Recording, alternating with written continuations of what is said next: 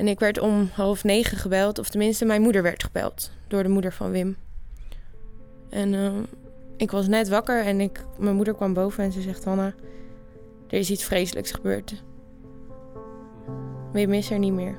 Dat, eh, dat nieuws kreeg ik en ehm, ja, je wereld stort in.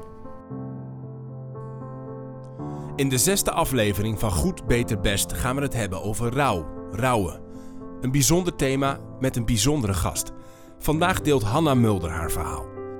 Hanna heeft vorig jaar haar verloofde Wim verloren. Ook Paul heeft in het overlijden van zijn oom en mentor een groot verlies geleden. Helaas is Godwin er niet bij, want die moest plotseling in quarantaine vanwege corona. Het gesprek gaat over de pijn van het verliezen van dierbaren in dit leven. Maar het gaat vooral ook over hoop, dierbare herinneringen, verwerking en doorgaan. Ehm, leuk om met jullie aan tafel te zitten. En uh, normaal zit ik hier met Paul, uiteraard. Uh, en normaal sluit dan onze favoriete evangelische kipliefhebber Godwin aan. maar we hebben gelukkig een hele mooie gast vandaag, uh, Hanna Mulder. Yes. Um, jij komt jouw verhaal delen. Um, waar, waar, nou, misschien eerst, waarom, waarom besloot je eigenlijk dat je dacht... nou, ik wil, ik wil wel iets gaan delen vandaag bij Move? Ja, um, ik kreeg natuurlijk de vraag uh, of ik dat wilde doen. En in eerste instantie dacht ik, oeh, nou, ik voel me niet per se geroepen om, uh, om nou mijn verhaal te delen. Maar um, het feit dat ik die vraag kreeg, betekende eigenlijk juist wel voor mij dat uh, ik misschien wat voor anderen kan betekenen. Um, ja, want je hebt, je hebt zelf, daar komen we zo meteen ook nog op. Je hebt zelf een heel zwaar verlies meegemaakt. Jouw verloofde Wim is overleden. Ja, vorig klopt. jaar. Ja. Um, nou, ik kan me niet voorstellen hoe dat is, maar daar gaan we straks meer van jou over horen. Misschien voordat we daar belanden bij dat deel van het gesprek. Uh, het staat in het teken van rouw. Hoe ga je daar op een goede manier uh, mee om, dit, uh, dit gesprek? Maar misschien ook leuk om even te weten, joh, wie ben je eigenlijk? Wat, wat, wat doe je? Ja, ik ben uh, dus Hanna en ik werk als verpleegkundige. En ik heb de PABO gedaan eerst, maar daar ben ik mee gestopt. Dus en toen was ik uh, erg zoekende naar wat nu. Want, want je had een hekel aan kinderen? Of, uh... nou, nee, nee, nee. Nee, ik kreeg er vooral niet zo heel veel energie van. Oh ja. Het uh, vrat heel veel energie en kreeg er voor mijn gevoel niet zoveel voor terug. Oh. Um, dus ik had besloten om te stoppen. En gelijk aan de bak gegaan als schoonmaakster bij oude mensen thuis. Ik dacht, oh, ik vind oude mensen eigenlijk wel heel erg leuk. dus, Van het ene uh, uiterste naar het andere ja. uiterste. Ja. dus zodoende ben ik uh, nu de opleiding aan het volgen... en tegelijkertijd uh, werk ik 30 uur in de week. Je studeert verpleegkunde nu? Ja, ik studeer verpleegkunde. En um, ik ga één dag in de week naar school. Ja. En verder heb ik een contract van 30 uur... uh, waarbij ik werk op een afdeling met mensen met dementie. Zo. Nee joh, en, en uh, hoe oud ben je eigenlijk? Waar woon je? Ik ben 22 en ik woon uh, in Ermelo bij mijn moeder en mijn broer. Je, dus, uh, je lievelingskleur? Oeh, blauw. Blauw. Ja, Paul? toch wel blauw. Zwart. Zo, nou, past ook weer bij het. Ja. alle mensen, zwart, die heb ik nog nooit eerder gehoord. Nee. Goed. Maar we zitten hier vandaag om het over rouw te hebben. Um, we maken allemaal dingen mee in ons leven, uiteraard uh, opa's en oma's die overlijden, maar soms ook mensen die echt nog, nog een stuk dichter bij ons staan waarschijnlijk. En ik moet eerlijk zeggen, mijn uh, opa is vorig jaar overleden. Dat is best wel een stevig verlies. Maar het is ook iets wat je accepteert omdat het in de lijn van de dingen is, volgens mij. Hè? In, ja. in, in, mijn geval, iemand van 86 die een vol leven heeft gehad... is heel anders dan, dan dat je iemand verliest van je eigen leeftijd... of iemand die heel dichtbij je staat. Uh, een vader, een moeder of iemand die als vader of moeder als je is... of je partner... Um, en het leek me goed om gewoon eens door te praten over... Uh, je gaat dat soort dingen op een gegeven moment meemaken in je leven. Ja, of, of, je, of je moet zelf gaan, maar dat, daar hopen we, hopen we ook niet op. Ja. Uh, hoe ga je daar dan op een goede manier mee om? Hè? En, en, en hoe... Um, nou, dat. Dus ik ben... Uh, nou, dus toen... Nou, Hanna, wij kennen elkaar een beetje. Ehm, jouw broer is mijn zwager. En we wisten natuurlijk van jouw verlies de afgelopen jaar... En ik vond het heel mooi dat je bereid bent om daar iets over te vertellen. Um, misschien om gewoon bij jou te beginnen. Wil, wil je dus in alle ruimte en openheid vertellen van het verlies wat jij hebt geleden? Ja, zeker. Ja, um, Wim, uh, dat was mijn verloofde. Ik eh, kende hem al twaalf jaar van de kerk. En ehm, hij is beste vrienden geweest ook met mijn broer. En eh, ja, het laatste jaar eh, werden we eigenlijk wel heel close. En we durfden allebei maar geen stap te zetten. tot we een keer een avond Shrek-films gingen kijken met z'n tweeën. Alle, alle heerlijk, ja. heerlijk. en ja, op die manier hebben we een relatie gekregen. En, en wat, wat, was het moment dat Donkey dan ergens... dat, je, dat, je, dan elkaar kust? Of wanneer nee, sloeg de vlam over? Nee, dat oh. ging pas de dag daarna natuurlijk. Nee, het was allemaal heel degelijk. Um, uh, hij pakte mijn hand vast. En toen uh, trilden we allebei heel dus erg. Dus Shrek had net uh, de prinses bevrijd of zo... en toen voelde je die hand zo... Het was wel pas bij de derde film volgens mij, ja. ja oh, pas bij de derde? Ja. Ik dacht bij de eerste, in de, in de tweede, dat in de koets... en dat, dat Donkey dan achter ons zo Weet je wel, dat ze wel helemaal gek worden. nee, nee, nee. Het was pas bij de laatste film. En uh, ja, goed. We kenden elkaar al uh, heel goed natuurlijk. Want we wandelden veel samen. We zagen elkaar uh, bijna elke dag op een gegeven moment. Mensen om ons heen zeiden al... jullie hadden al lange relatie. Maar dat wisten jullie zelf nog niet. Ja, en, en, en wat ik, we komen straks ook wel over zijn... Hij is overleden. Ja. Zoveel is duidelijk natuurlijk nu. Daar ga je straks... Daar kunnen we het uitgebreid over hebben. Maar nog even terug naar dat moment op die bank, hè. Dat, dat vind ik dan toch... Ik, ik hou er... voor mij, het, is steeds langer... Ik ben inmiddels zo'n getrouwde burgertrut natuurlijk. Dus dat is steeds, steeds langer geleden, zeg maar. Maar ik, ja, ik ga daar... Dat is toch de romanticus in mij, denk die dan... Dus wanneer, zeg maar... Je zat daar als trillende rietjes... en dan hoop je dat iemand de move maakt ja. of zo. Of hoe? Ja, dat. Ja. ja? Zaten met, uh, met de voeten uh, op een voetenbankje... en die raakten elkaar oh. al soms stiekem aan. Dat was al super spannend. en... Uh, ja, hij pakte gewoon mijn hand vast. En toen, dat was het. En jij zat, er, jij zat er al, eruit. En je zat er al op te hopen dat hij... Tuurlijk, dat ja. ja. ja. Hij is gewoon heel lief, is het. is gewoon heel lief. Want wat maakte hem... Waarom zat je erop te hopen? Waarom, waarom, wat maakte hem zo, zo, zo mooi? Waarom, waarom was je verliefd op hem? Nou, ik moet je zeggen dat ik pas een paar weken voordat we dus een relatie kregen... een beetje van mezelf begon te weten dat ik verliefd was. Dat heeft heel lang geduurd, want je bent beste vrienden en je wil niet dat dat stuk gaat. Ja. Dus je bent super bang, want je hebt het er verder nooit over. Je hebt het over van alles. Eigenlijk was hij gefriendzoned een aantal jaar. Nou, misschien wel. Nee, ja, ja. En je weet dat je heel goed met elkaar kan opschieten en dat je het super goed met elkaar kan vinden. Maar ja, ehm, dan is het heel spannend uh, van wat vindt de ander en uh, ziet hij ook meer mij en hm. ja. En uh, toen kregen we een relatie en nou ja, Hoe bleek dat het heel goed ging. ja, want, want wat maakte dat goed? Wat maakte die relatie zo mooi? Dat we alles deelden met elkaar. Ja, ja we waren heel erg open en uh, dat vond hij wel lastig soms. Um, maar ik pushte dat, want ik wilde dat gewoon per se. Ik wilde vanaf het begin, vanaf dag één, echt heel open zijn over alles. En uh, dat hij dat ook tegen mij kon zijn. Hm. Ja, en daardoor hebben we ook eigenlijk nooit ruzie kon, gehad. Kon hij, dat, kon hij dat ook mede dankzij jou? Of was hij ja. sowieso... Ja? Ja, ja want hij uh, was daar niet zo goed in. Ah, ja. En, uh, hij was een tikje introvert misschien, of hoe bedoel je dat?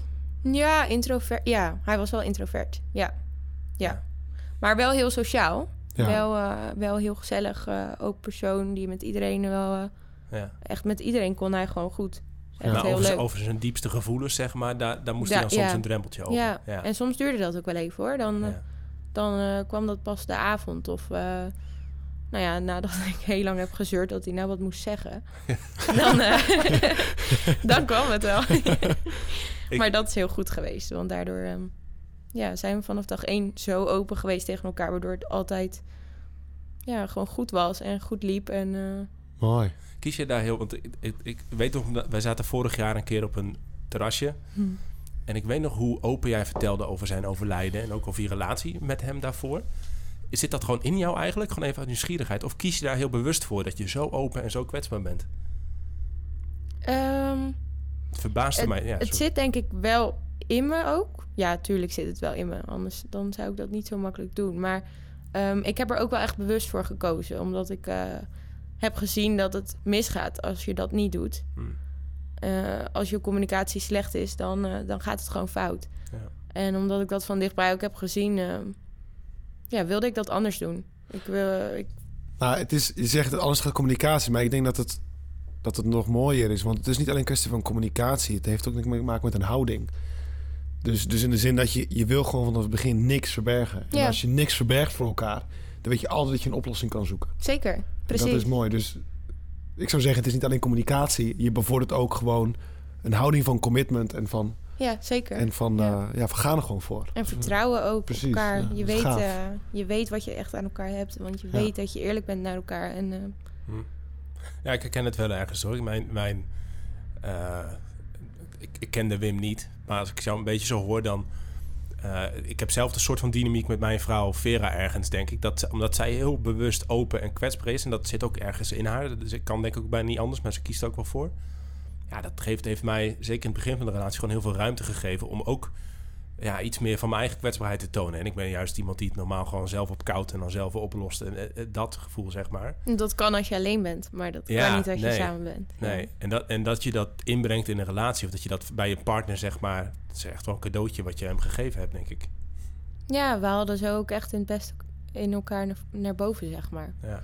Dat, eh, dat heb ik ook veel te horen gekregen nadat hij was overleden van, van zijn familie. Dat die ook Hm. echt zagen dat we allebei zo veel mooier mensen zijn geworden door elkaar. Wat cool. Mooi. Eh, Paul, jij... ehm, we komen zo uitgebreid nog weer over Wim te praten. Maar jij, eh, jij hebt ook een verlies meegemaakt. Ook een, Ja. ook een groot verlies in je leven. Ja, dat kan je wel zeggen. vertellen. Ja, het klinkt misschien een beetje... Want ik zeg meteen, het gaat om een oom. En hij stierf toen hij 72 was. Dus je zou ook denken, een beetje in de lijn wat jij zei van... Nou, weet je, het is al eh, wat oudere kant. En eh, eh, hij is je oom, dus het is niet hetzelfde als je verloofde. Maar als ik hierbij zeg dat het behalve mijn oom... dat we ook eh, elf jaar huisgenoten zijn geweest. Dat hij priester is en ook mijn... eh, dat we ook broeders waren in dezelfde katholieke gemeenschap... Dat hij de oom was, die Spaanse oom, maar die vanaf het begin altijd, sinds mijn geboorte, altijd heel close bij mijn familie is geweest. Dat hij mijn biechtvader was. Ehm, en dat ik ook in het huis waar hij woonde, dat ik daar ook een beetje de, ja, hoe zeg je dat, de verantwoordelijke was. Dus ik ben ook met hem naar het ziekenhuis gegaan. Ik, we hoorden samen dat hij kanker had. Ehm, en eh, ja, geknield naar zijn bek, bed heb ik hem zien sterven. Eh, dan heeft het wel heel veel impact op me gehad, ja. Ja. Maar dat klinkt als een, een, een tweede vader, een broeder. Absoluut, dat was het. Ja, absoluut. En 72, kijk aan de ene kant, het is, je bent al wat oud geweest, dus hij heeft, ja, hij heeft lang een mooi leven kunnen hebben, maar is ook wel jong. En zeker als je hem had leren kennen, het was zo'n energieke, extroverte, hartelijke man, eh, dat het ook wel jammer is dat hij nu al is weggegaan. Ehm, en het, kwam, het, het einde kwam ook een beetje onverwacht en snel.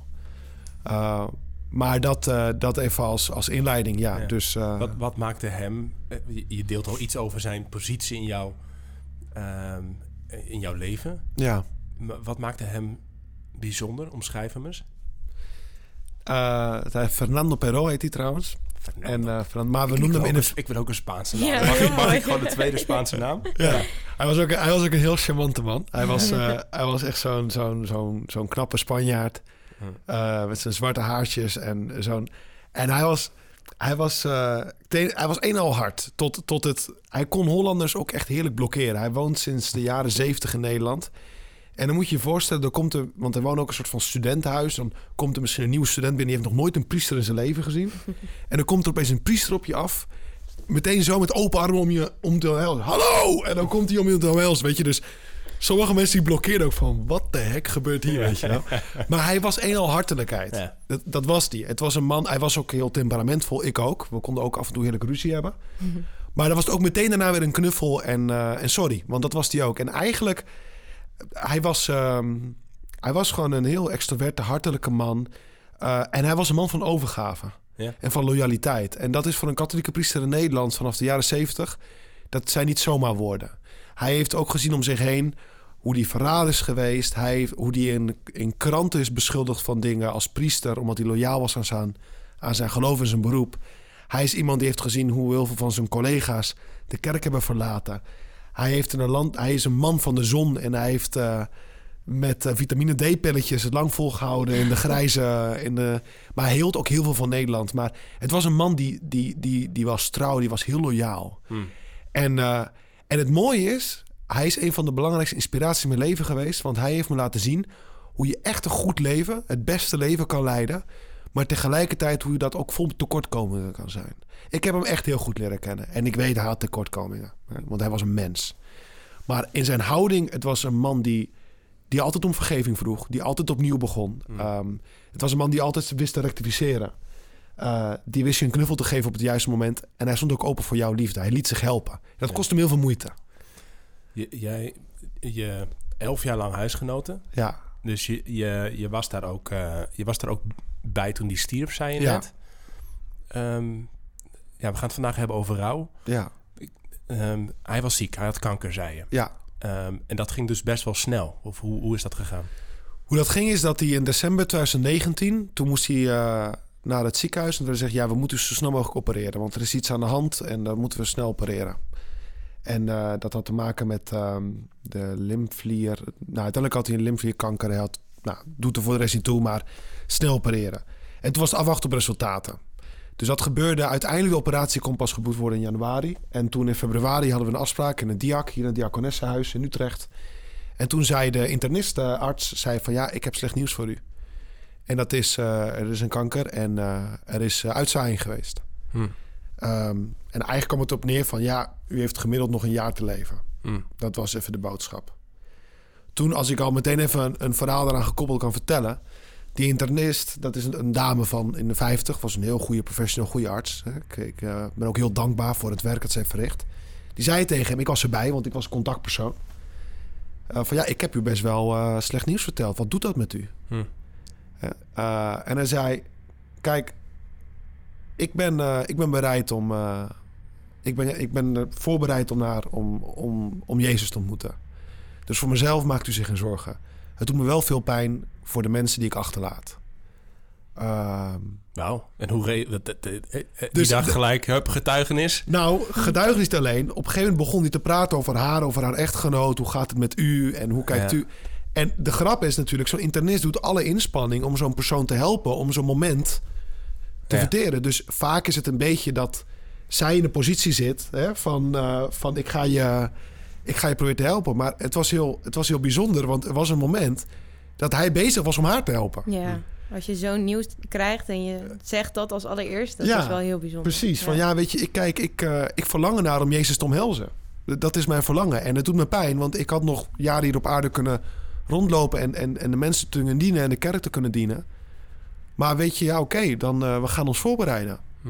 Dat was zijn houding. En we waren ook buiten beiden. En toen, ja, we waren even een hoekje bij de parkeerplaats en dan gingen we even een sigaretje roken. En, en toen gingen we even nuchter praten met elkaar. ja, het was, het was heel, het, eh, dat is het begin hè, van het proces. Ja. Ehm, Hey, en, en eh, ik, eh, Hanna, ehm, een man van God. Eh, Fernando? Nee? ja, we noemden hem in de familie Tato. Tato. Tato, oké, Ja. die houden we erin. Tato, een man, een ma- ja. Iemand die met God leefde, hoe was dat voor Wim? Oh ja, Wim leefde ook zeker met God, ja. Ja, ik, ehm, toen hij overleed, zei ik ook als allereerst... Hij ging slapen en hij deed zijn ogen open in de hemel. En mooi. ehm, daar ben ik ook echt van overtuigd. Ja, Zo. ja. En hoe was dat? Want eh, komen we zo meteen ook nog op. Maar hoe, hoe zag je het in zijn leven eh, terug? Hoe, hoe leefde hij met God?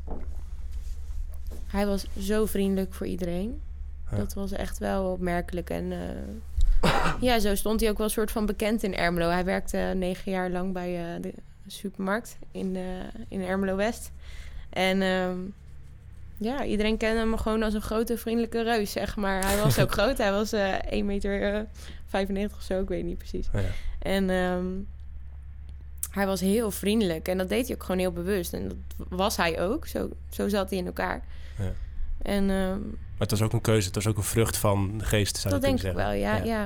ja. ja. En hij, hij zocht het ook op. En we zochten het ook samen op. eh, ehm, ik eh, vond het soms moeilijk om te bidden. Ja.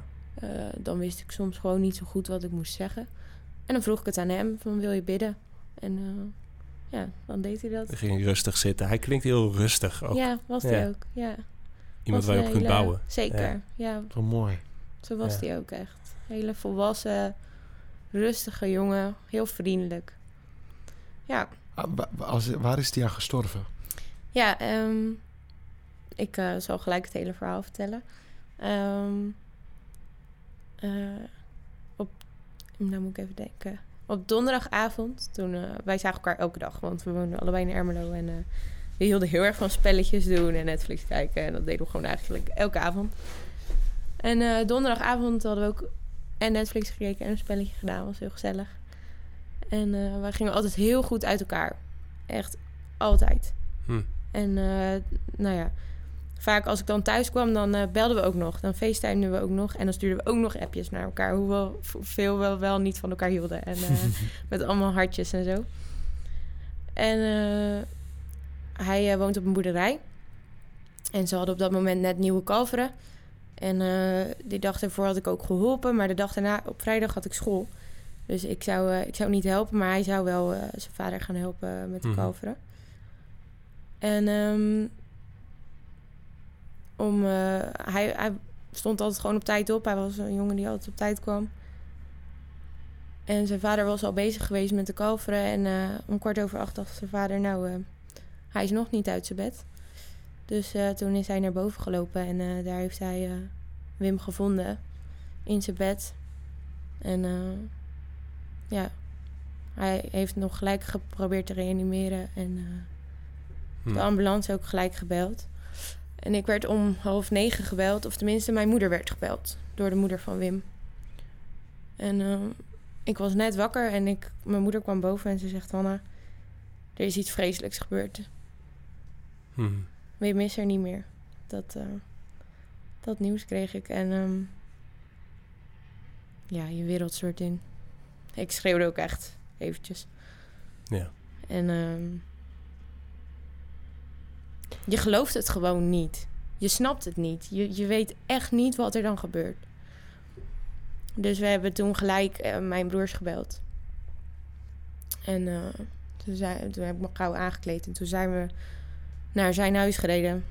En ehm, ja, daar stond politie. Er stond allemaal politie op het erf. En eh, ambulance. En, eh, nee, ambulance was trouwens al weg. Ehm, want het moet natuurlijk onderzocht worden. Want Hmm. hij was plotseling overleden in de nacht. Ja. En ehm, we mochten dus ook nog niet bij hem of zo. eh, hij- dat lichaam moest eerst vrijgegeven worden.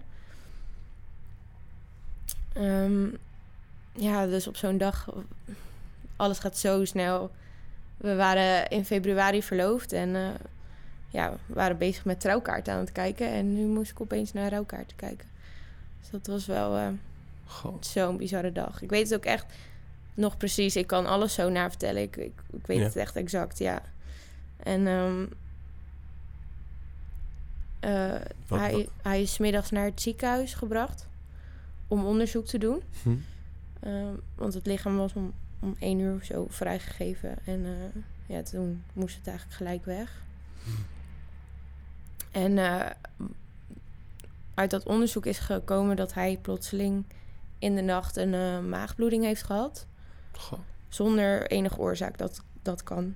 Dat kan gewoon. Ja, ja, meestal is dat van bepaalde medicijnen, maar hij, en dat, hij had geen medicijnen of zo. Hij heeft het gewoon plotseling gehad en ehm, Gewoon En een kans, van 1 op 10 miljoen. En, geen idee, ja. ja. gewoon Ja. totaal en bam. Ja. En eh, ze hebben ook gevonden dat hij meer verkalkte aderen had voor- dan voor een normaal 25-jarig persoon. Ehm, dus door die maagbloeding is zijn bloeddruk zo erg omlaag gegaan. En dan ook nog eens die verkookte aderen, waardoor er te weinig bloed bij het hart kwam. Waardoor Dus hij een hartstilstand. hartstilstand heeft gehad, ja. Ja, Alle mensen, joh. Wauw. ja. Wat- Die, die, ehm, wat overheerste er die eerste dag bij jou? Onbegrip. Totaal geen idee van wat er nou is overkomen. Je moet het aan iedereen gaan vertellen. Of tenminste, ja, ik Ja. belde wel wat mensen op die dag. En je vertelt het aan mensen en, en iedereen, iedereen zijn reactie is ook... Wat? Zeg maar, je gelooft het gewoon echt niet, omdat het Nee. zo plotseling is. En terwijl het zo'n... Hij was eh, personal trainer in de sportschool. En hij was heel erg bezig met afvallen en gezond eten. Hij was ook al 30 kilo kwijt. En ehm, zo'n gezonde jongen, Hm. die dan plotseling, ja, zo nog steeds hoor. Ik heb het verhaal ook nog niet zo ehm, uitgebreid denk ik verteld of precies zoals het ging. Nee? In elk geval de afgelopen maanden niet Hm. meer, denk ik. Eh, Hoe is het voor jou om dat nu zo te vertellen? ik zit te trillen. Ja? ja, ja. Ja, tuurlijk. Het is nog steeds zo'n zo'n ontiegelijk bizar verhaal. Hm. Wat je nooit hoort eigenlijk. En dat is jou overkomen. Terwijl je het net zo goed had samen. Ja. En, en wat maakt dat, dat je nu zit te trillen dan, denk je? Ik ben ook wel zenuwachtig om het te vertellen, denk ik. Ja. Ja, Snap ik. je weet niet goed wat het met je doet. En Hm. Het is zoiets persoonlijks ook, toch? Ik bedoel, dit soort dingen wat je vertelt. Ik bedoel, ik kan me voorstellen dat je...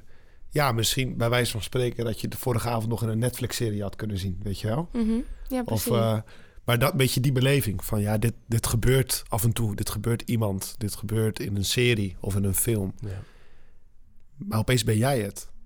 Ja. En het, ook een van de dingen die bij me opkomen, want ik hoopte stiekem, eh, dat, ja, ik denk dat je snapt wat ik bedoel, eh, dat het misschien was gebleken dat hij een ziekte had en dat hij nog een paar maanden dat je afscheid had kunnen nemen, et cetera. Dat is, ik heb die luxe gehad, weet je. Ik, eh, Hm. ik, eh, ik wil sterven zoals mijn oom is gestorven. Ja. Gewoon zo gezegd. Hij heeft de afgelopen de week voordat hij stierf, hij wist ik ga die dag sterven. En hij heeft afscheid kunnen nemen, et cetera. Maar het van jou heeft iets, heeft zoiets mysterieus. Het is Ja. gewoon, kijk, dit, dit kan jou of mij gebeuren morgen. Tja. Dat is, eh, dat is heftig. Hoe, want je zegt die eerste dag, hè, is het dan dat onwerkelijke gevoel wat dat, dat overheerst? Ehm, is er dan ook gelijk verdriet? Heel veel, ja. ja. Ja, want je weet... Wim en ik hielden er erg van om, om dingen een beetje uit te stippelen voor de toekomst. Dat vonden we heerlijk om te doen samen. Hm. En je was ook echt bezig met eh 30 april, aankomende 30 april, zou ik met hem gaan trouwen. Nu, deze maand, Ja, zeg maar. ja, ja. Dus je, nou ja, je had alles uitgestippeld. Je wist wat je ging doen en waarvoor je het deed. En je wilde het samen doen. En alles valt weg. Hm. Of nou ja, ja, op dat moment Hmm. voor jou val- valt alles weg.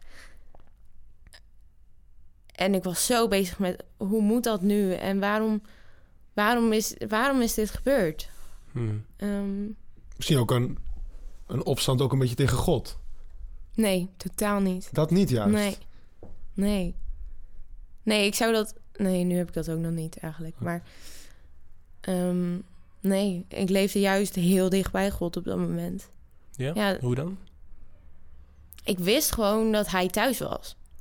En, ik, ik, en dat weet ik nog steeds. En ehm, dat is een hele geruststellende gedachte. Hm. En eh, tu- eh, ik gunde het hem eigenlijk ook. Hm.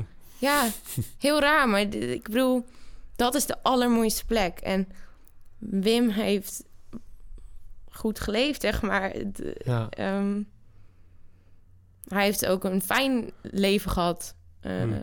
Natuurlijk heeft iedereen ups en downs, en, maar we hadden het gewoon heel goed. En hij mag nu nog een beter leven leiden. Dus je gunt het eigenlijk iemand waar je super veel van houdt, gun je het het allermeest dat hij naar de mooiste plek van de aarde gaat, natuurlijk. Ja. Maar tegelijkertijd weet jij dat jij nog wel een heel aantal jaren hier, hopelijk. Ja. Ja, want laten we... Want ehm, we, we knippen dit gesprek ook een beetje op in tweeën. Dus we gaan het straks ook even hebben over, over de hemel wat mij betreft. Die Mhm. namen als wat je dat... Wat je beeld daarvan is, wat je daarvan hoopt eh, in, de, in de volgende aflevering. Maar jij blijft hier achter. En je zei al van, joh, weet je, je hele plaatje van het leven, wat je aan het uitstippelen bent, wat je aan het leven bent. Ja, het is, het is eh, alles, alles wordt onder je voeten weggeslagen, maar ook je, je toekomstpad, wat we toch allemaal ergens voor ons zien voor een stukje, dat, dat zie je ook even niet meer, denk ik. Hoe, hoe heb je dat beleefd? Ehm, ik denk dat ik het gewoon heb gedaan. Hm. Als in, ik heb daar heel, ik nog steeds, ik denk daar continu over na. Van wat gaat het nu allemaal worden? En, ehm, en heel veel mensen zijn daar natuurlijk onzeker over. Maar ik had het allemaal wel juist voor ogen. Hoe mijn leven eruit ging zien natuurlijk. Ehm, ja, ik, eh, ik ben gewoon, ik heb het gewoon gedaan, een soort van. Ik ben gewoon doorgegaan. Ik, eh, Heb je er veel over nagedacht? Sorry. Over mijn toekomst. Ja, over je toekomst, of over hoe je daarmee om moest gaan? Of ben je gewoon... Gewoon move on, let's do it. Of was het wel dat je een tijd van retraite of een tijd van, weet je, dat je even een paar dagen gewoon, weet ik veel, probeer dingen op een rijtje te krijgen in je hoofd en in je hart voordat je weer verder gaat? Of was het gewoon van, nee, laten we zo snel mogelijk naar het dagelijks leven. Nee, nee, ik heb wel echt, eh, ik heb gelijk ook werk opgebeld en eh, gezegd wat er was gebeurd. En ik heb ook een paar weken echt helemaal niet gewerkt. Hm. En ik vond het doodeng om bijvoorbeeld naar het dorp te gaan of naar de supermarkt. Dus je was gewoon veel thuis. eh, Ja. Ja, ik vond het heel eng om naar buiten te gaan of zo aan het begin.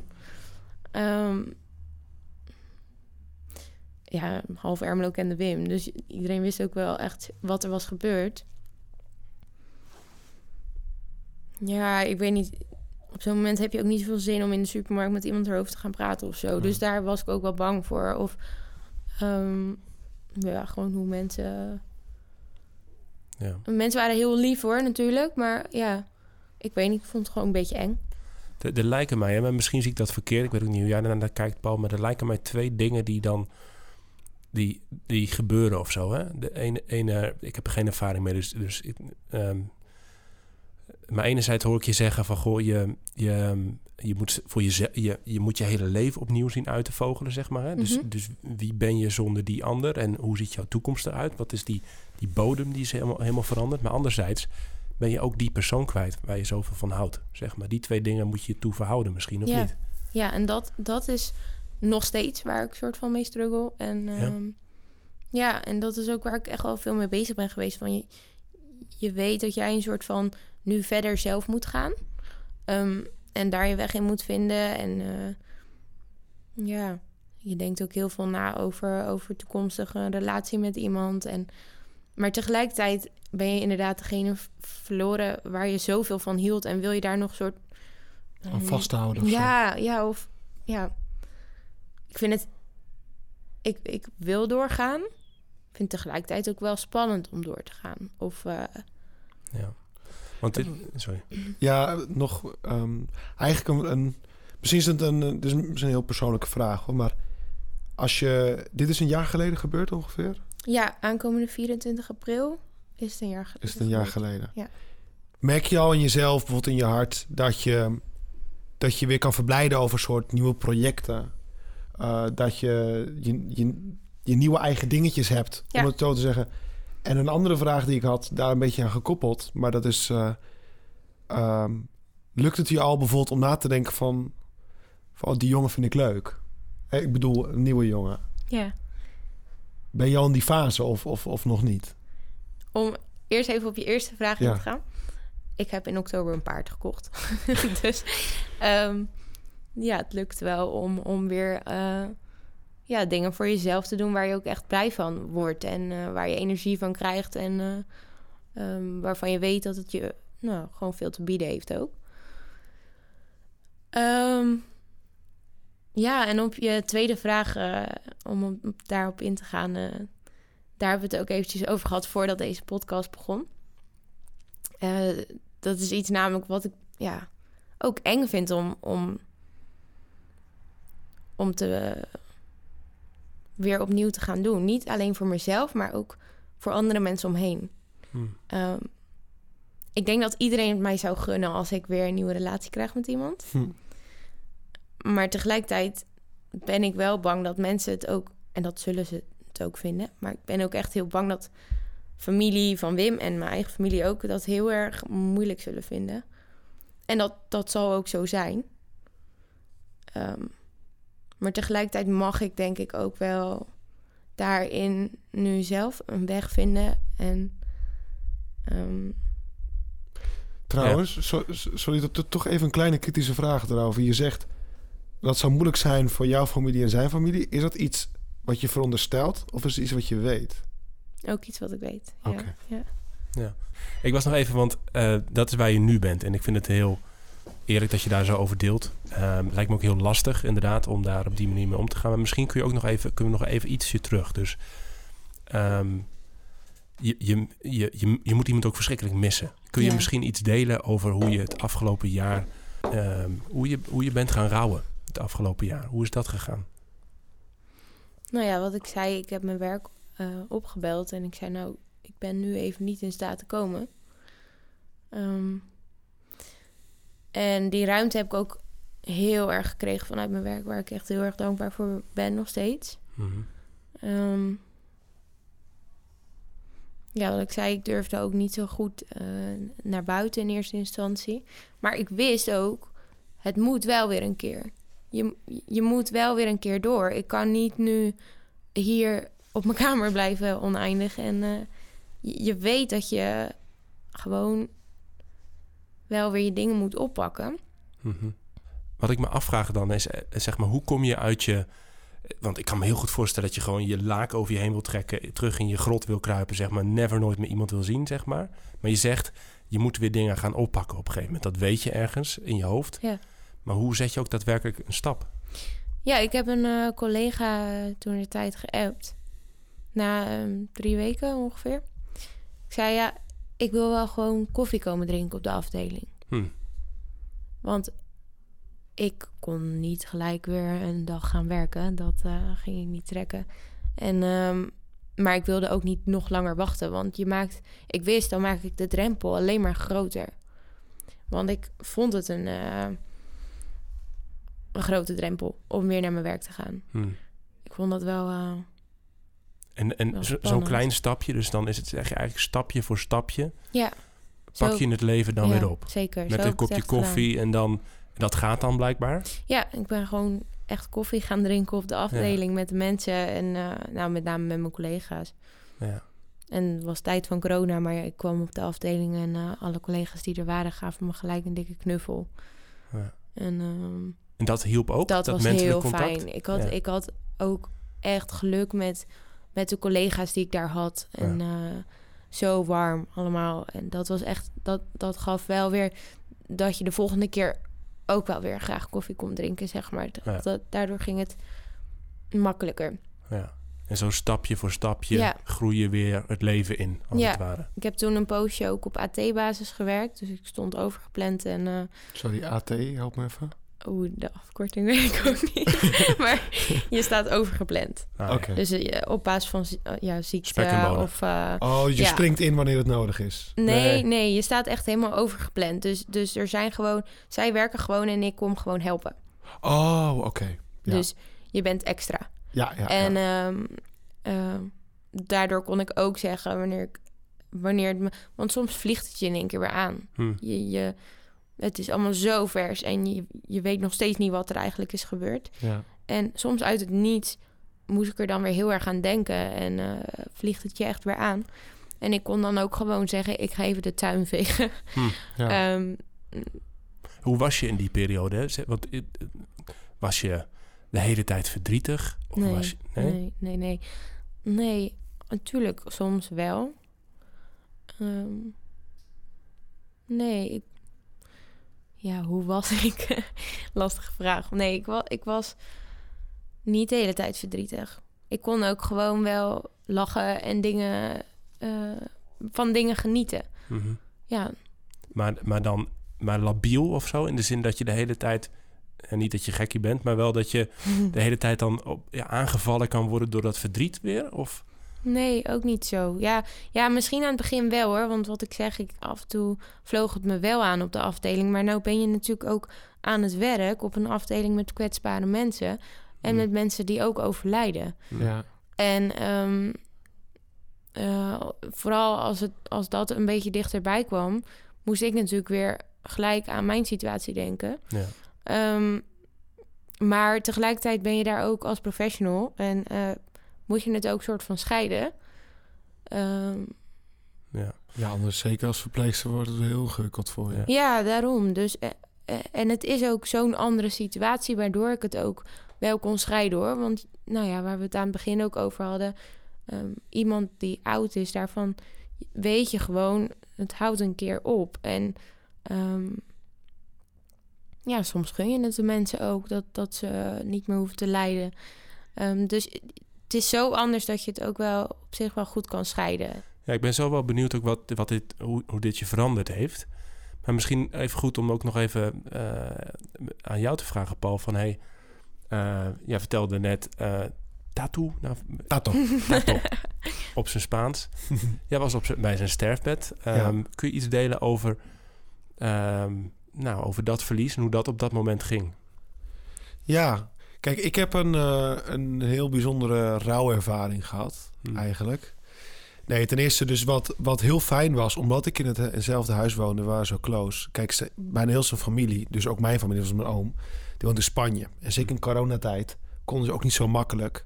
Stel je voor, dit was vorig jaar, hè? dus dan denk aan de maanden maart, april, mei. Wanneer is hij overleden? Hij is in september dit, eh, 2020, dus hij is eh, inmiddels zes maanden geleden Oh overleden. ja, ook nog. Eh, dus ze konden ook niet even komen om hem te bezoeken. Hm. En eh, dan was het heel fijn voor de Spaanstalige familie vooral... dat ze mij hadden als schakel. Dat ik updates kon geven. Hoe gaat het met hem, et cetera. Dus eh, ik was ook heel veel voor de... laten we zeggen, om de familie goed te informeren. Want het is het laatste met de arts. Want hij is chemo gaan doen. Hè, eh, tot en met eh, juli ongeveer. Om te proberen om het zoveel mogelijk... eh, de verspreiding, de uitzaaiing te, te stoppen. Maar tegelijk altijd heel kritisch kijken naar wat doet het met zijn kwaliteit van leven. Want het heeft geen zin om hem twee maanden extra te laten leven als die alleen maar zit overgeven bijvoorbeeld. Mhm. En eh, toen was er eigenlijk al een keer, dat was in juli, dat hij zei van ik kan niet meer met chemo. We stoppen. En is ook prima. En eigenlijk was het al één keer te veel geweest. Hm. Dus ik denk dat de chemo hem te veel heeft gebroken. Hm. Zonder dat hij of wij het wilden. Hè? Maar meer van, het ging goed. Maar toen was er... Nou, in ieder geval, ik was in augustus nog een drie weken weg.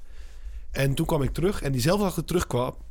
was natuurlijk ook een paar andere huisgenoten. Want ik was niet de enige. Ik bedoel, ik heb ook andere mensen van die community... die, die hielden ook van hem als, als een broer. Hè? Dus er waren heel veel... We hadden een hele hechte community. Alleen ik had ook een aantal andere familiaire banden met hem. Mhm. Maar ik was zeker niet de enige die, die, die, die daar aanwezig was voor hem. En eh, toen, wat was gebeurd, is er was eh, een, een soort verstopping ge- geweest. Waardoor hij niet meer kon eten en niet meer kon drinken. En alles raakte verstoppen. En een barstende pijn, ook van de uitzaaiing trouwens. Hm.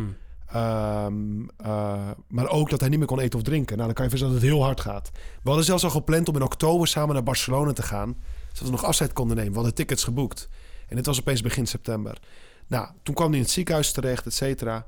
Toen gingen ze kijken of ze de verstopping in eh, een van de organen konden oplossen. Maar het lukte niet. Het Hmm. duurde meer. En toen zei hij op een gegeven moment... Kijk, ik kan nu drie weken in het ziekenhuis blijven... of ik kan een week naar huis gaan. Ik wil thuis sterven. Ik wil hier weg. Was ook corona, één, bezoek per, eh, eh, per keer. Je kan je voorstellen, witte, de, de witte muren van een ziekenhuis of, of je eigen huis. Ja. Zei, ik wil thuis sterven. Dat ik twee weken eerder sterf, maakt niet uit. Dat wil zeggen, als hij naar huis is, dat hij niet meer kon eten of drinken. En dat wil ook zeggen, dan weet je dat het een kwestie is van dagen... voordat hij flauw valt en uiteindelijk overlijdt.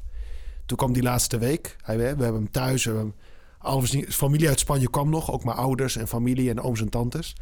En in een, eh, dat was niet heel corona verantwoordelijk. Hm. Maar in drie dagen de tijd zijn meer dan 80 mensen langs geweest om afscheid van hem te nemen. Zo. Eh, allemaal huilende mensen naar buiten natuurlijk. En, eh, en ik zei hem ook soms sorry. Sorry dat ik zoveel mensen binnenlaat. Ik probeer het allemaal een beetje te coördineren. Maar zei Paul, in de hemel heb ik eh, tijd om uit te rusten. Hè, Nu, eh, nu kan ik nog mensen helpen. Hm. En eh, Dus dat, dat, dat, dat ze afscheid konden nemen van hem. En ook jij, dat je dat kon zien. Dat hij, dat Ja. hij het leven vaarwel kon zeggen. Dat hij zijn mensen, waar hij zoveel moeite mee had, zei in het begin. Dat, dat is heel waardevol, denk ik. dat niet? is heel waardevol. En ik heb nog een aantal keer hele mooie, diepe persoonlijke gesprek met hem kunnen hebben. Met, met vreugde en met verdriet, maar ook met vreugde. Dus met hoop. Hoopvolle, mooie gesprekken. Ehm, hij heeft me nog wijs advies gegeven. Hm. Ehm, en hij maakte nog grapjes. Eh, dag en nacht was altijd iemand bij hem. We hadden beurten thuis. Dat Mhm. er altijd iemand bij hem was. Misschien moest hij even plassen of wilde hij Hm. een, een, een, iets te een ijsje. Al komt het niet binnen, maar tenminste voor zijn lippen. Of weet ik veel wat. Een sigaretje. Ik maakte veel sigaretjes voor hem, want hij rookte als een ketter. dus ik Ja. maakte, weet je, ja, de laatste dagen laat Ja, lekker er roken. uit. Tuurlijk, Ja, ja. lekker roken wat hij wil. En dat soort dingen. En het mooie was, hij stierf toen op een eh, zondagmiddag. Eh, hij viel meer, steeds meer in slaap vanwege die zwakte. En op een gegeven moment uh, merkte van de, zijn ademhaling ging steeds minder. En op een gegeven moment stopte hij met ademhalen. En we waren rondom zijn bed uh, zeven, acht personen van, van de community. Hm. Om het zo te zeggen, zijn broers. En opeens, considereren we, hij is dood natuurlijk. Eerst even de huisarts gebeld. En natuurlijk daarna een aantal andere mensen. En toen hebben we elkaar uh, omhelst en gehuild natuurlijk. Toen hebben we daar nog een respons gebeden rondom zijn bed. Dat is een katholiek gebed voor de overledenen. Met de priester erbij.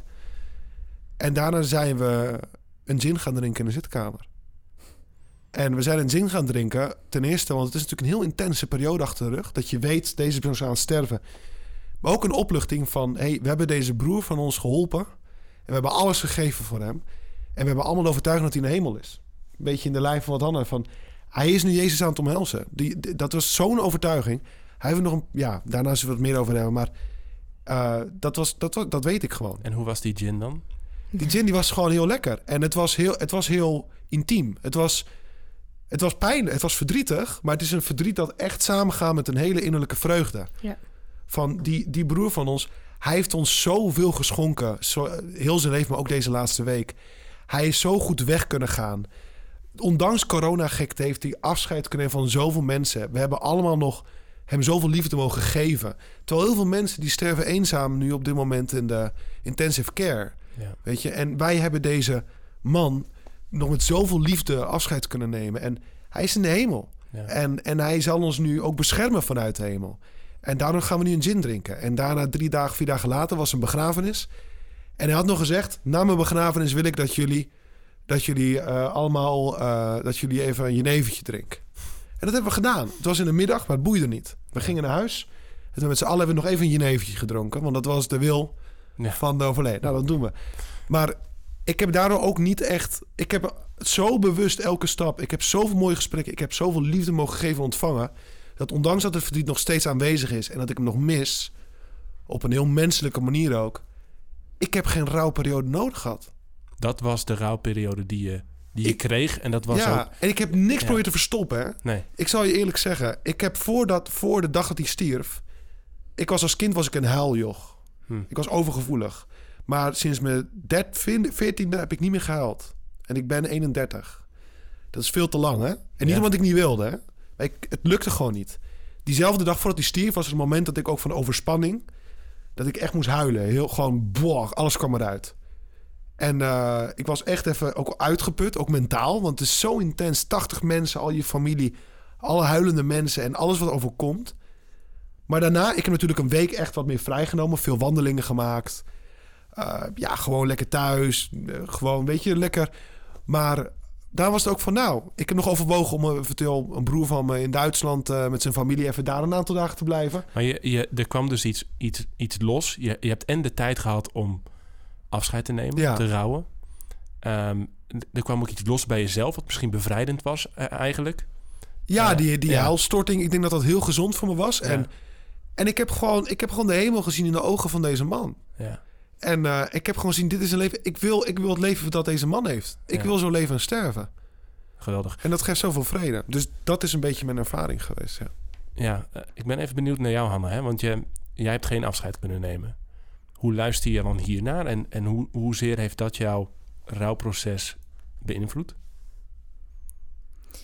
Ehm, in zekere zin heb ik denk ik wel afscheid kunnen nemen. Of tenminste, ja, niet op die manier natuurlijk. Maar wat ik al zei, Wim en ik gingen echt altijd zo goed uit elkaar. En ehm, Prachtig.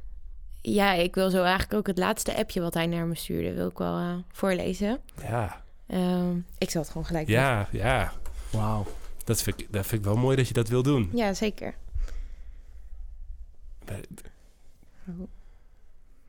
Even kijken. Ehm, ik stuurde nog... eh, ik hou echt zo ontzettend veel van je, lieve Wim. Dank je wel voor wie je bent. En hij stuurde... Ik ook van jou, mijn lieve toekomstige vrouw. Tot in een eeuwigheid. Ik hou zo ontzettend veel van je. Oh, Wauw. dat is wat hij zei op het Ja. eind? Ja, Tot in de eeuwigheid? ja bijzonder hè? Ja. Oh man, alsof hij het wist. ja, nou ja, weet ik niet. Ja, Maar ja, zo appten we sowieso wel veel met elkaar, s'avonds. Ja. Gewoon nog altijd, ja, altijd goed of zo. En, en heel inspirerend. Maar dit, dit was wel heel bijzonder. Dat tot in de eeuwigheid, dat... dat eh, dat zei hij niet elke dag. nee, nee, zeker niet. Dat heeft hij denk ik nog nooit eerder gezegd. Op die manier. Hoe, Nee, hoe belangrijk is dat appje voor jou? ja, het is zo bijzonder dat je... Nee, niet zozeer dat appje, maar gewoon ook... Dat je weet dat je gewoon echt zo goed uit elkaar ben gegaan. Ik bedoel, hoe rot was het geweest? Dat hadden wij nooit hoor. Maar hoe rot was het geweest als je net die avond mot met elkaar had gehad Ja. of zo? Ja. Dus eh, dat is ook iets wat ik altijd wil blijven doen. Altijd goed uit elkaar, want je weet het nooit. Nee. En ehm, Ja, mooi. Oh man, ik, vind dat, dat, is, bij, dat is toch, dat is bijna, het is gewoon, moeten we dat niet gewoon een wonder noemen? Zo'n ja, appje? Nou, ik wilde zeggen, we noemen het, noem het voorzienigheid. Ja, Maar ik vind, het, ik vind het ook, dat zeg ik je ook gewoon heel eerlijk. Ik zou het ook tekort vinden aan jullie twee. Want dit is ook gewoon een houding, weet je? In Hmm. de zin dat, dat, je, dat je besluit om zo met elkaar die relatie aan te gaan. En ook van elke dag willen we op, op de beste manier uit elkaar gaan. Als we het hebben over goed, beter, best. ja. Ja, Ja. weet je, dit is een stukje voorzienigheid. Maar dit is ook gewoon, dit is gewoon hele mooie liefde. voorzienigheid, een beetje een moeilijke term. Sorry, voorzienigheid dat God de Vader, hè, dat hij vanuit de hemel ook, ook op het juiste moment hè, voor de juiste dingen zorgt. Hè? Ja. Dat hij ook misschien ook weer maar als de, als de mooiste bloem op dat moment gewoon heeft geplukt op een prachtige manier om hem in de hemel te laten bloeien. Ik, zie- ik zie je lachen, Anna. ja. Dat eh, aan de ene kant. Maar ik zou het ook, ik vind het ook een verdienste van, van Wim en van Hanna zelf. En dat is ook wat ik wil benadrukken, dat het voorzienigheid is. Maar het is ook gewoon een heel werkzame liefde tussen die twee. En dat heeft ook gewoon al hier op aarde toch nog een stukje, een stukje hoe zeg je het, verdienste gekregen, beloning. Ja. Dat is misschien het woord. Hè? Ik zeg het ook altijd tegen mensen van ik gun iedereen zo'n relatie als dat ik met Wim had. Want we hadden het echt gewoon heel goed samen. Ja. Ik, wil, ik wil zo meteen ook wel van je... want dat, dat zeg je nu en tegelijkertijd doet het me pijn om dat te horen. Want je bent dat ook weer, weer kwijt. En dan moet je nu ook mee... mee zeg maar, je, bent, nou, je hebt dat gehad en dat zal altijd zo blijven. Maar het lijkt me ook heel ontzettend moeilijk om dat te verliezen. Ik kan me dat, weet ik veel, als mijn, mijn vrouw ik zou, eh, omga- zou overlijden... ik zou echt door, door het putje gaan, denk ik. Ehm, maar nog heel even over dat, dat afscheid, hè? Want ehm, ja, in, feite zeg je dus, je hebt dat afscheid gehad. En eigenlijk heb je de essentie dus ook naar elkaar in twee appjes gewoon... Ik hou, ik hou zoveel van je, zeg maar, zei hij. En hij naar jou toe. Ja, heel veel meer... Volgens mij is datgene, is dat wat je moet zeggen, toch ook? Of, of, of niet, zeg maar, in een afscheid. Ja, ik weet ook niet. Ja, wat als hij. Zo moet je nooit redeneren hoor. Maar eh, ja, wat als hij ziek was geweest en dat ik wel afscheid had, had kunnen nemen van hem. Of wat als ik had geweten dat hij zou overlijden. Ik weet niet wat ik dan had gezegd. Dus Nou, maar misschien, mijn, mijn punt is misschien, misschien niet heel veel anders nee, dan dat- dit precies, dat bedoel ik. Ja. ja, dat denk ik ook niet. Nee. Ik heb eh, die, die laatste zondag, hij was heel, mijn oom was heel weinig momenten wakker. Mhm. Maar er was precies een moment, toen was nog mijn oudste broer was er nog. En eh, die ging ook afscheid nemen van hem. Maar in de, in de was in overtuiging dat hij aan het slapen was. Dus meer gewoon even een kus op zijn voorhoofd. En hij, moet weer, hij moest weer naar Duitsland, hè, naar zijn gezin toe. En, eh, maar precies toen, toen hij er was, eh, en ik ook, werd hij eventjes wakker. Hij was een beetje overweldigd, want er waren zes, zeven man rondom zijn bed. En hij, je, je moet je voorstellen, iemand die stervend en een beetje flauw eh, aan het vallen is. En hij vroeg, wat, wat gebeurt hier? Wat doen jullie allemaal hier? En toen zei ik hem nog van, ja, we houden gewoon veel van je, Tato. En toen zei hij, oh ja, ja ik hou ook heel veel van jullie. en toen gingen zijn ogen weer dicht en toen ging hij weer verder slapen. En dat is mijn, mijn laatste gesprek met hem geweest. Ja. Dus, dus ehm, en dan gaan we ook een beetje naar het volgende deel van het gesprek, wat mij betreft. Een eh, aparte aflevering eigenlijk over nou, je beeld van de hemel. Jullie hebben er ook al op gehint, hè? Zeg maar van hey, hoe belangrijk dat is en dat besef daarvan. Nou, ik ben wel heel benieuwd hoe je dat dan ook voor je ziet. Ehm, maar misschien even eh, proberen samen te vatten, zeg maar, als het gaat om, om hoe je met, met zo'n groot verlies omgaat. Hè? En iedereen doet het op zijn eigen manier en, en binnen zijn eigen tijd. Er zijn ook geen vaste, heb ik ook wel eens begrepen, er is geen vaste formule voor. Maar ik hoor wel een paar hele wezenlijke dingen. En dat is, eh, punt 1 zeg jij, Hanna, en jij eigenlijk ook natuurlijk, Paul. ehm, zorg dat je goed uit elkaar gaat. Ja. En dat je, dat je dus, eh, en dat ik ga, het me, ik ga het me echt voornemen nu, dankzij jou, Hanna, zeg maar, om gewoon echt vaker tegen een vrouw te zeggen dat ik van haar hou. En dat gewoon zorgen dat dat altijd, zeg maar, dat dat niet meer boven de markt hangt of zo. Ja, tenminste, dat weet ze wel, maar dat je het gewoon uitgesproken hebt. Ja. Dat het gewoon goed is, zeg maar. Hè? Ehm, dat. Ik, ik hoor dat je daarmee dus ook jezelf, of het nou onverwachts gebeurt, of dat je de tijd hebt, zoals bij Paul, om afscheid te nemen. Dat je daarmee een soort van, ja, je, je afscheid min of meer al een soort van gewaarborgd hebt op, een- op een gekke manier. Klopt dat? Ja, ik denk het. Ja. ja, op dat moment voelt het natuurlijk Nee. helemaal niet zo. Ehm, en zo heb ik ook nog nooit over nagedacht. Maar eh, ja, ik denk het wel. Ja? Ja. Of als ik eh, het verkeerd invul, moet ik ook zeggen hoor. Nee, ik, dat is zo belangrijk geweest. Ehm, dat, heeft, ja, dat maakt wel uit. Ja, Eh, dat geeft wel rust. ja. Ja, en, en daarnaast dus, en dan, dan, dan komt die dood, hè? En dan, dan, dan stort je wereld in. Zoveel heb je natuurlijk ook verteld. Ehm, maar dan toch weer stapjes zetten, zeg maar. Mhm. Dan stap voor stap het leven weer een beetje omhelzen. Ja. Hoe, en da- daar wil ik nog wel iets meer over weten van je eigenlijk... voordat we dan naar dat, dat, dat stuk over de hemel gaan. Maar hoe, hoe leef je nu dan? Een jaar na dato, zeg maar. Je hebt weer stapjes gezet. Je hebt dat paard gekocht. Nou, die zet ook stapjes voor jou, gelukkig. En zeg maar, hoe, hoe gaat het nu eigenlijk met je? Ehm, als mensen dat vragen, zeg ik gelijk goed. Gaat heel goed. Ja? maar eh, daarbij moet ik wel zeggen dat ik... Ik ben ook heel druk nu. Met gewoon, ik werk weer 30 uur in de week. Ik ben bezig met studie en ik heb een paard. Ehm, kost veel tijd hoor. Klinkt heel droog. Ja. ja. ja, nee, maar... ehm, eh, dus ik ben, ik ben heel druk. Ehm, en, en soms merk ik wel dat ik te druk ben. Ja. Dus het gaat, het gaat goed. Het gaat lekker op zich. Ik ben gewoon weer bezig met het leven. Mhm. Goed bezig. en Mooi. misschien ook wel beter bezig. Maar En hoe, hoe, hoe rouw je nu nog, bijvoorbeeld? Zou je dat zo zeggen of niet? ehm, ja, ja, je hoopt... Daarmee ben ik nog wel bezig. Ehm, dat je natuurlijk... Ja, je hoopt dat je ooit weer iemand eh, vindt. Hm. Ehm, daar ben ik momenteel ook veel mee bezig. Maar dat is, je hoopt dat het weer zo goed zal zijn. En, en ik moet het niet gaan vergelijken of zo, want dat zou onrecht doen eh, tegenover die ander. Maar, ehm, ehm, of onrecht doen, ja, dat is gewoon niet eerlijk. Je kunt niet gaan vergelijken. Eh, maar ik denk dat je dat onbewust wel zal doen. Hm. Ehm, en eh, ja, het is wel spannend. Ik bedoel, je, je hebt echt van iemand gehouden en dat was jouw ware liefde, zeg maar. Ehm, Hoe, hoe, hoe voelbaar is dat, hoe, dat verdriet, hè? Zeg maar, wordt dat minder? Wordt dat anders? Wordt het, hoe, omschrijf dat eens. af en toe eh, komt dat in één keer weer, weer erg naar boven. Het komt ongeroepen, zeg maar. Dus Ja. ik kan dat niet echt invullen. Ik heb nog een foto eh, in mijn slaapkamer staan van hem. En eh, ehm, heel af en toe komt het in één keer weer binnen. En dat, dat heeft niet per se een specifieke aanleiding. Soms is dat gewoon. En eh, Ja. dan snap je het allemaal weer even niet meer. En ben je heel verdrietig. Ehm, en dan heb ik een paard waar ik heen kan. En is dat dan, ben je dan eh, een paar uur van de slag? Of hoe, hoe, hoe beïnvloedt dat je leven nu?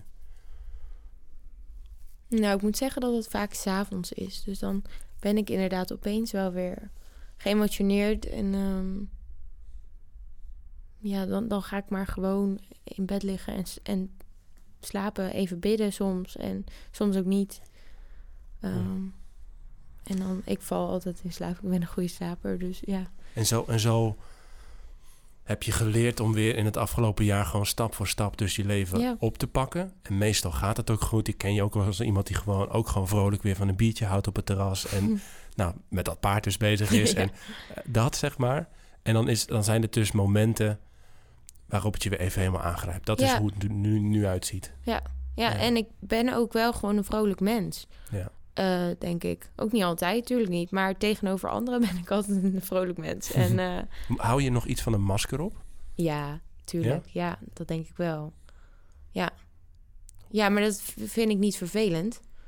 Ehm, Nee? nee. Hoe dan? Wat, wat, waarom en hoe doe je dat? Ehm, ik hou een masker op in zekere zin, maar ik, ik ben ook wel echt, echt een vrolijk persoon. Dus ehm, ja, so- soms gaat het thuis, dan ben je thuis en dan gaat het even helemaal niet goed. En dan zie je het allemaal even niet meer zitten. En dan denk je, ik ga stoppen met mijn opleiding. En nou goed, dan, dan ga je helemaal in een negatieve spiraal eh, denken. Ehm, En dat, dat is zo en dat, dat hoort er ook af en toe bij. Ehm, maar dat, dat laat ik dan wel thuis. En ik wil altijd wel gewoon vrolijk en vriendelijk zijn naar andere mensen. Hm. Eh, ja, omdat dat ook andere mensen goed kan doen. Dus ehm, Mooi. Ja, ik vind het ook mooi en ik, ik snap het ook wel in de zin dat je... eh, ik vind het ook helemaal niet gek, weet je. Het is ook, je wilt ook niet de hele tijd... Je, je kunt en wilt niet de hele tijd in, in dat verdriet of in die emotie blijven hangen. En ik denk dat het heel normaal is dat als je bij buiten de deur stapt... dat je net een andere rol of een ander patroon of ander aanneemt... dan dat je, weet ik veel, met je moeder of een goede vriendin... en, en, een, en, een, en een jankfilm, zeg maar, dat, dat, dat je het weer toe kan laten... Dus ik snap ook, een masker is in die zin misschien ook een beetje een te negatieve term. Ja, weet je, ja, moet dat denk jezelf ik ook. precies. Ja, ja, Toch? ja. Ja. ja, het is niet... Ja, hoe zeg je dat? Ja, een masker, dat is het niet per se. Nou, dat is discretie, toch? In de Ja. zin van, als je bijvoorbeeld als verpleegkundige... Je, je, je kan niet bij die demente vrouw die aan het sterven zijn... dan kan je opeens zelf huilend eh, even je eigen probleem... Nee. Je moet even de dingen, even wachten tot je thuis komt... of Ja. even met een collega een kopje koffie kan drinken. Maar ik kan me voorstellen dat je ook af en toe even sterk moet zijn. Ja. En, ja, ik weet niet. Ik, Ja. ik vind dat eigenlijk heel mooi, hoe je dat... eh, Je gunt jezelf daarmee ook gewoon het, het gewone leven weer. En, en, Ja. en, de, en de vrolijke versie van, van jezelf, zeg maar. Of de, de vrolijkheid en de lichtheid ook weer. Ja. Ja. en tegelijkertijd maak ik er ook helemaal geen geheim van of, of iets dergelijks. Nee. Ik vertel het wel aan mensen. En ik merk ook dat ik het gewoon heel rustig kan vertellen zonder, ja. Ja. zonder al te veel emotie of zo. Omdat je het best wel vaak toch wel aan mensen hebt verteld. Hm. Ehm, dus Heeft je dat nog heel erg geholpen, hè? Je openheid? dat denk ik jaar? wel, ja, ja. Ja, dat denk ik wel. Als je het helemaal voor jezelf houdt, dan kom je er denk ik niet meer uit. En dan... dan ehm, ja, dat is niet gezond, denk ik. Ja. Hey, en, eh, eh, en nu dan, hè, zeg maar, de, want je, ehm, het je blijft dan tegen dingen, eh, dingen veranderen. Hè? Ehm, maar en een van de dingen waar je dus nu, waar je net over vertelde, zeg maar, is, is een nieuwe relatie. Potentieel in de toekomst. Het idee dat dat zou kunnen gaan komen, zeg maar, hè? daarmee worstelen. Eh, hoe ga je met, nou, wat maakt dat eigenlijk lastig voor jou, die gedachte? Ehm, ja, die ander is niet Wim, uiteraard. Ehm, en ja, wat ik al zei, ik ben daarin ook wel een beetje bang voor, voor reactie of zo. Terwijl dat helemaal niks moet uitmaken. Ik moet gewoon daar, ja, ik moet dat leren een beetje meer van me af te zetten. Ehm, Ja, is dat zo? Ik, ik, ik- vraag me, eh, zeg maar, ik weet niet hoe jij naar kijkt, Paul, maar ik kan me ook juist iets bij voorstellen. Ik, ik, ik vind het heel mooi dat je waarde hecht aan niet wat eh, Jan, op, eh, Jan van Drie Achter ervan vindt, maar misschien wel wat je schoonouders, of je, dus de ouders van Wim daarvan vonden, zeg maar, of je, je, je eigen, eigen gezin. Zeg maar dat je daar rekening mee houdt, dat verbaast me niet. Ik denk niet dat je je moet laten stoppen uiteindelijk, zeg Nee. maar, om een relatie aan te gaan als dat weer klikt en klopt.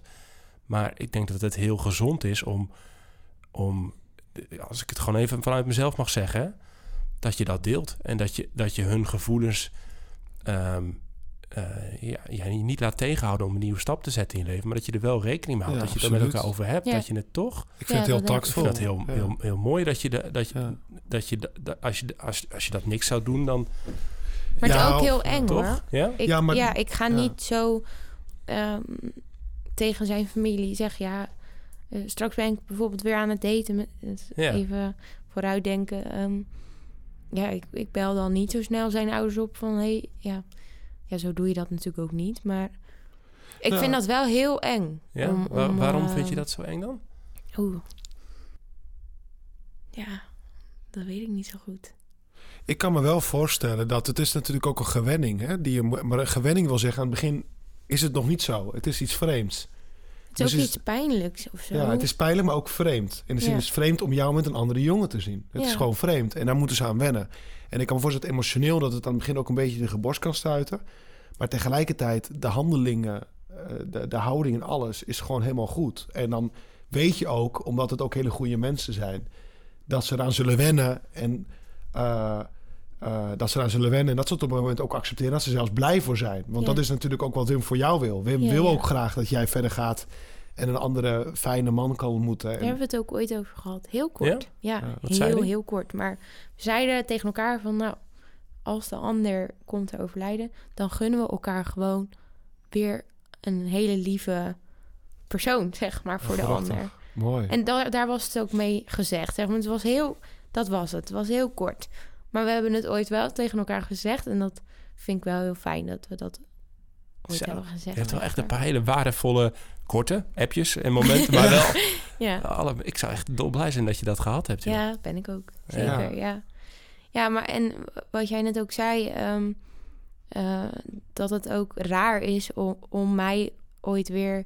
Zo, voor mezelf vind ik dat ook raar om mijzelf ooit weer... eh, eh, dat, dat is het denk ik ook. Dat is misschien ook wel wat het een beetje eng maakt.